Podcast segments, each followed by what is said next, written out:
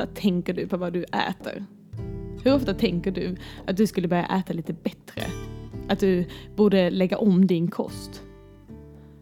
Hur ofta stoppar du någonting i din mun samtidigt som du tänker det här borde jag inte äta men det finns nog inget område där det finns så mycket sanningar och myter som när det gäller det där med att äta rätt. Med all rätt, för när det gäller forskning om mat så är det väldigt svårt. Otroligt svårt, för det är så många faktorer som spelar roll. Och genom att plocka ut enstaka av dem och titta på dem i en isolerad miljö är det inte säkert att det ger oss en rättvis bild av hur det faktiskt funkar i sin helhet inne i kroppen. Jag brukar ibland se kroppen framför mig som en stor regnskog och det är ekosystem som på något vis jobbar tillsammans för att få alla fantastiska arter att överleva och växa i balans. Om du så ett frö i ett växthus är det inte alls säkert att den beter sig som den skulle göra i regnskogen där den får växa med en helt annan luftkvalitet, parasiter, andra växter, annan temperatur, fåglar som äter på den och djur som trampar på den. Samma sak händer om vi plockar ut en enda livsstilsfaktor och väljer att studera bara den. Vi kan ju försöka göra statistiska analyser och justera för ålder, kön, rökning, fysisk aktivitet och alkohol. Men vi kan inte justera för hur mycket som helst. Tänk dig att du lever ett liv som är 80 år långt och tänk att din kropp kanske inte bara påverkas av vad du äter nu utan också i allra högsta grad har påverkats av vad du åt när du var barn. Vad din mamma åt när du låg i hennes mage. Ja, kanske till och med hur din mormor hade det när din mamma låg i hennes mage. För det var ju faktiskt där du bildades, som en liten äggcell i din mammas äggstock när din mamma fortfarande låg i din mormors mage. Ditt liv började ju faktiskt redan där. Det här innebär att din hälsa på sätt och vis inte bara påverkas av din faktiska genuppsättning, som är relativt konstant, men faktiskt också av epigenetiska förändringar till följd av hur dina föräldrar och deras föräldrar har levt, vilken stress de utsattes för, vilken mat de åt och vilken miljö de bodde i. Så socker på filen eller inte. Kosten vi äter påverkar oss i allra högsta grad. Och vi kan påverka vår hälsa betydligt genom att äta bara lite bättre. Men som alltid så får vi inte glömma det stora perspektivet. Jag kommer inte gå in på några av de här sanningarna eller forskningsresultaten. Det finns experter som är bättre än mig på att göra det. Kanske väcker jag fler frågor än svar. Men det är också det som är lite av min poäng. För speciellt när det kommer till kost och livsstil så finns det nog inget svar som är rätt för oss alla. Hur gärna vi skulle vilja ha den där instruktionsboken som säger åt oss hur vi ska leva för att må bra så tror jag trots allt i slutändan att det handlar om att gå tillbaka till sig själv. Här kan yoga vara till hjälp eftersom den hjälper dig att bli bättre på att känna signalerna från din kropp och göra dig mer finkänslig för vad du mår bra av och inte. Så jag har inga direkta kostråd att ge. Inga pekpinnar. Men kanske en och annan tankeställare. Vad jag tycker är viktigt är inte bara vad vi stoppar i oss, men hur vi ser på det vi stoppar i oss. Hur vi förhåller oss till maten vi äter helt enkelt. En diet är kanske inte fel, men så fort vi gör den under tvång och krav så tenderar vi att bygga upp alla dessa påtvingade måsten. Risken är nämligen att vi krånglar till något som skulle kunna vara mycket enklare och vi skapar något som är betydligt värre för oss än extra kalorier och konserveringsämnen. Nämligen stress. Stressen stör också vår metabolism och leder till fettinlagring. Stressen leder också till kronisk inflammation. Och stressen gör också att vi får en förändrad tarmflora, läckande tarm och magproblem. Allt det där vi försöker kontrollera och hålla i styr med att äta rätt mat det slår liksom bakut om vi krånglar till det för mycket och stressar upp oss i onödan. Det är inte farligt att äta en pizza ibland, men att bygga upp tabu och skuldbelägga, det är den riktiga hälsoboven. Jag kan tycka att det är lite synd att det tycks finnas så mycket trender kring mat och så mycket skam hos dem som inte lyckas äta rätt. Om det är så det ligger till så är det faktiskt mycket viktigare än någonting annat att ändra inställningen kring mat innan du ens funderar vad du äter och inte äter. Att njuta av maten är också viktigt. Så ät din pizza och njut. Det gör så mycket mer för hälsan än att stressa upp dig över den gröna smoothien med andan i halsen, oavsett vad. Och stå runt i om alla i familjen inte vill äta alla olika grönsaker på tallriken. Hets och stress och mutor och krav är ändå i slutändan mycket värre. Och det tenderar att bygga upp ännu mer osund relation till maten i längden. Det är också värt att ställa sig frågan ibland varför vi egentligen äter. Vi äter ju för att få energi. Kroppen behöver energi till allt. För att växa och reparera, för att vi ska orka röra på oss, för att alla våra kroppsfunktioner ska funka och vi ska kunna vara i balans. 25 procent av energiåtgångarna går till hjärnan och hjärnans tankeprocesser. Jag hörde en gång eh, en, att eh, universitetsstudier skulle kunna jämföras med elitidrott i fråga om ren energiåtgång.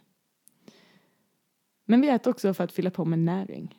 Vitaminer och mineraler, antioxidanter och mikronutrienter. Det är därför inte det räcker med att räkna kalorier.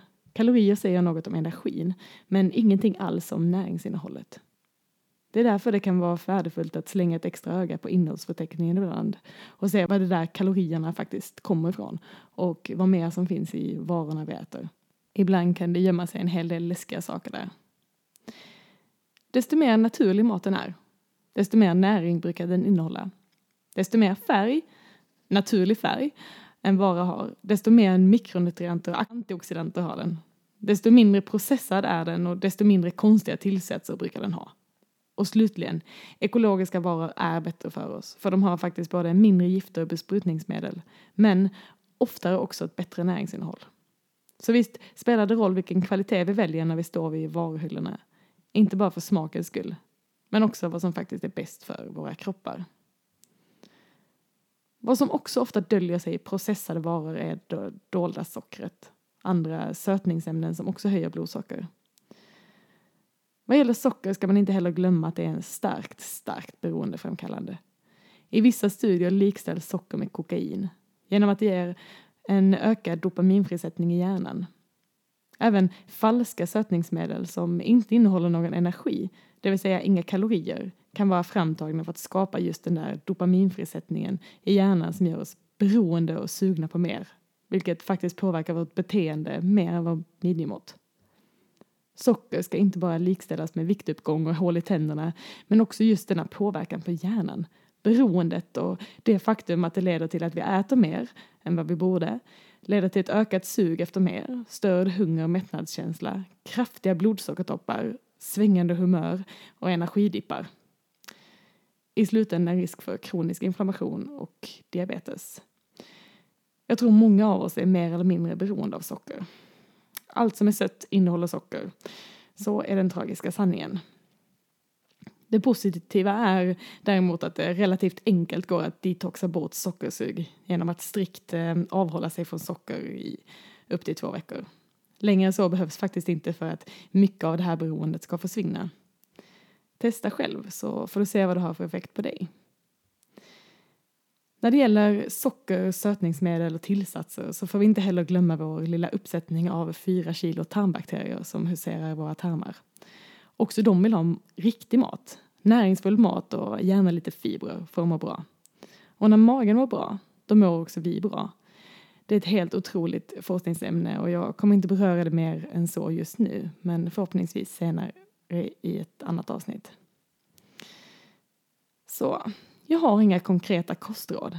Men när jag går tillbaka till mig själv så är det ett par enkla principer som jag brukar gå tillbaka till och som har hjälpt mig en hel del på vägen. Där. Forskning på mat och livsstil är svårt. Det finns ingen kost som passar alla. Vi måste börja känna våra egna kroppar och känna vad som är bäst för oss. Desto mer naturlig mat, desto mindre e-ämnen, kemikalier och gifter ekologiskt och närproducerat och råvaror istället för processad mat är alltid ett bättre alternativ. Socker har en påverkan på hjärnan, inte bara på midjan. Jag tror alla mår bra av en sockerdetox, om inte för midjans skull så för hjärnans. Stress kring mat och kost är också en faktor för ohälsa. Att äta under stress är inte heller bra. Bättre att äta en pizza i lugn och ro än att slänga i sig en grön power smoothie i bilen på väg till nästa möte och så njut av maten. Då får vi ju massor oxytocin. Och det kommer jag prata mer om i ett annat avsnitt. Så nu nog pratat och eh, dags för lite yoga.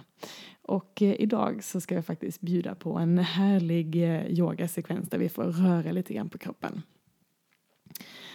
Och röra lite grann på magen som också kan vara bra för matsmältningen och alla våra tarmbakterier som bor där nere. Så eh, försök hitta en plats där du kan eh, lägga dig ner. Och om du inte kan lägga dig ner och följa med yogasekvensen så sätt dig på en stol och eh, rör på kroppen lite grann men lyssna på instruktionerna för det har faktiskt en bra effekt det också. Eh, men om du har möjlighet så lägg dig ner på golvet eller hitta en matta eller en filt. Ta och gör dig bekväm. Låter axlarna, skulderbladen och armarna slappna av. Och sätter hälarna i golvet som om du ska göra en sit-ups. Men bara slappna av. Musiken vi hör den är skriven av Jakob Berg. Och när du har kommit till rätta på golvet så kan du börja med att ta ett par långa djupa andetag och förlänga andningen hela vägen ner i magen. Du kan lägga en hand på magen och verkligen känna att andetaget går hela vägen dit.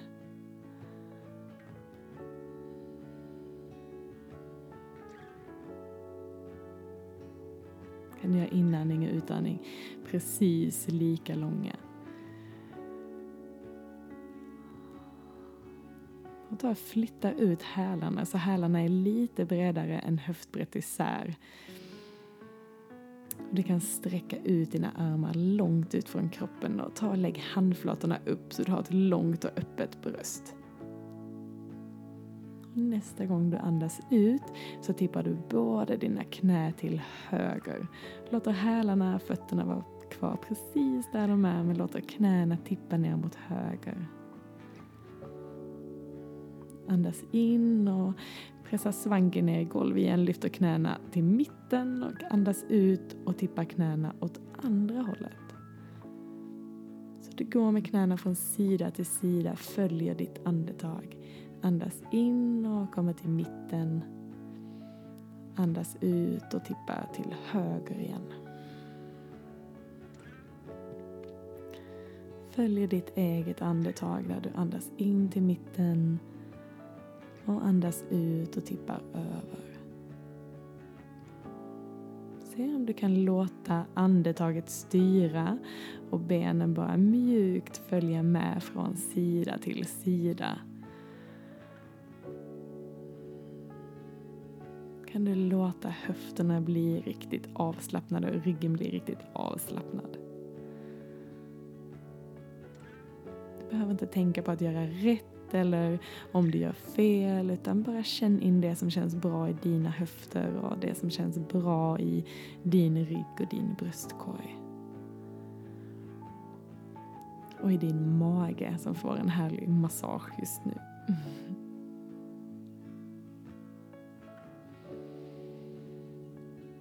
Mm, nästa gång du andas ut och låter båda knäna tippa ner till höger så kan du låta dem stanna där. Antingen så ligger du kvar precis som du gör just nu eller så tar du höger häl och lägger den på vänster knä om du vill ha en lite mer intensiv stretch och en lite mer intensiv öppning av din höft. Om du fortsätter ta långa djupa andetag här kan du då känna var i kroppen ditt andetag hamnar nu. Kan du känna varje gång du andas in att ryggen blir lite längre. Och när du andas ut kanske släpper taget om höfterna, släpper taget om din rygg och låter hela kroppen sjunka lite djupare ner mot golvet.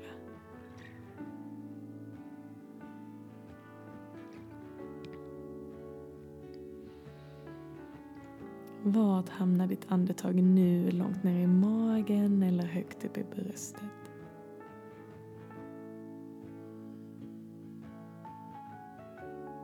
Kan du ta hjälp av ditt andetag och släppa taget lite mer.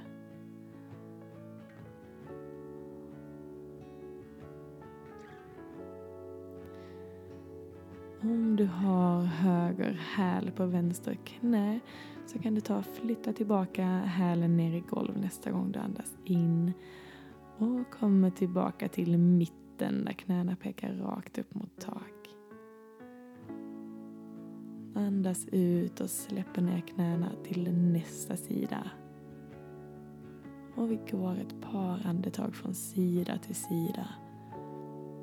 Mjukt följer du ditt andetag, följer din rytm. I det vi i yogan kallar för vinyasa, rörelse och andning i ett. Det hjälper oss att skapa närvaro, fokus och avslappning.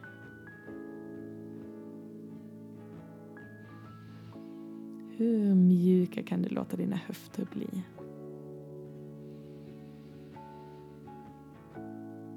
Mm, nästa gång du andas ut och tippar knäna åt vänster så låter du dem stanna där. Ta ett riktigt långt andetag ut och bara slappna av. Släppa ner dina knän, släppa ner dina höfter. Ta ett långt andetag in och se om du kan öppna upp bröstet och förlänga ryggen lite till och andas ut och bara släpper efter. Om det känns bekvämt och tillgängligt för dig så ta vänster häl och lägg den upp på höger knä. Och andas ut och släpper efter lite till så får en lite mer intensiv stretch. Fortsätter andas långa djupa andetag. Och kanske kan du notera vad som händer med området mellan din högra höftbenskam och höger revbensbåge. Kan du andas in och förlänga det lilla området där. Kanske andas ut och låta det slappna av ännu lite mer. Andas in och känn hur du vidgar bröstkorgen. Andas ut och låter höger axel och höger skulderblad också bli lite tyngre.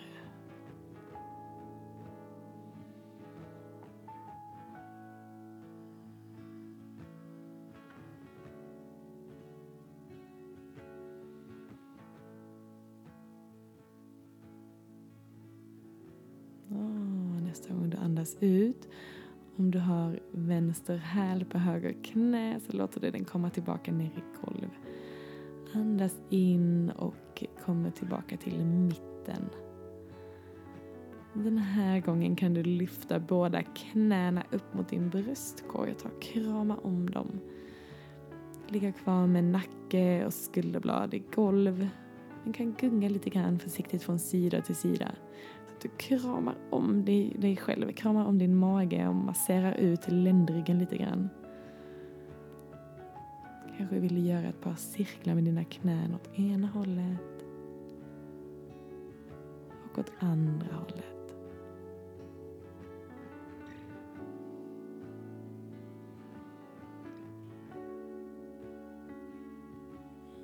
Ta tillfället i akt att ge dig själv en riktigt härlig massage. Kanske vill du andas in och lyfta pannan upp mot dina knän så att du sträcker ut hela ryggen, sträcker ut mellan dina skulderblad. Gör det ett par gånger där du andas ut, lägger nacken och ryggen tillbaka ner i golv. Mm. Andas in en gång till och lyfter pannan upp mot dina knä och kuta ut ryggen. Öppna upp mellan dina skulderblad. Andas ut och kommer ner. Och gör det en gång till. Andas in och lyft upp pannan upp mot dina knä. Håll kvar så länge du vill. Gör det till en liten, liten, liten boll.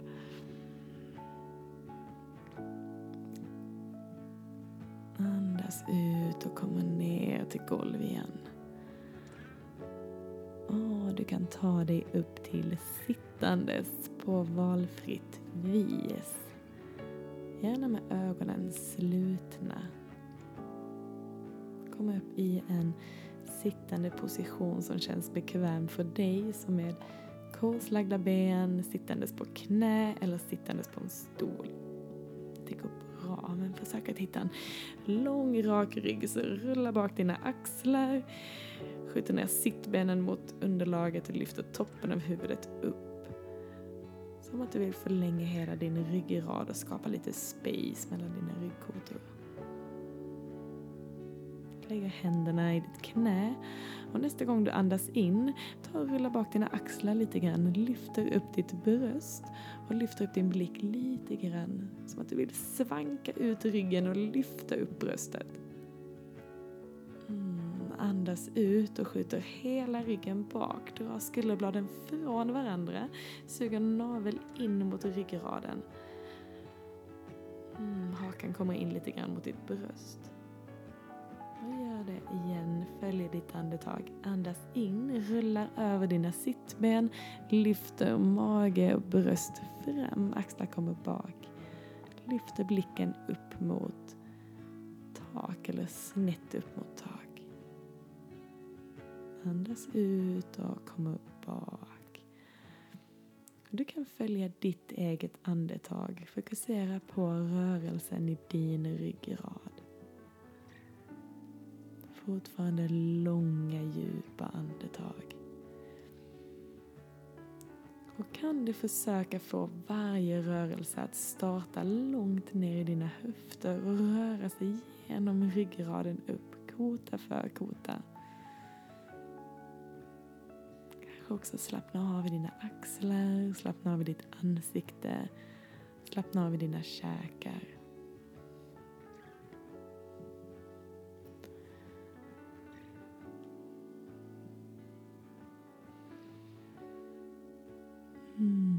Gör det ett par gånger till, lika mjukt och stilla.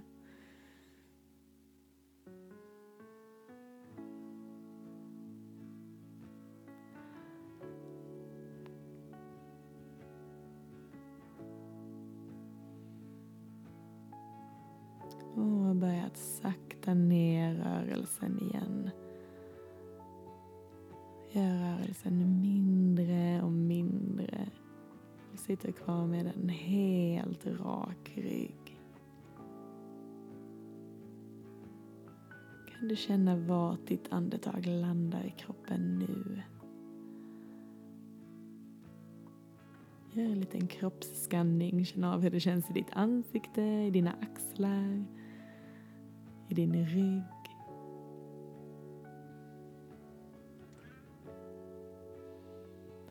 Vill du sitta kvar här en liten stund eller lägga dig tillbaka ner på rygg och bara slappna av.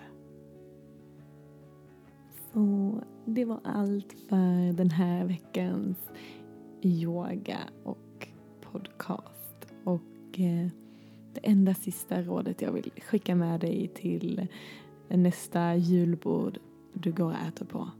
Det är glöm inte njuta.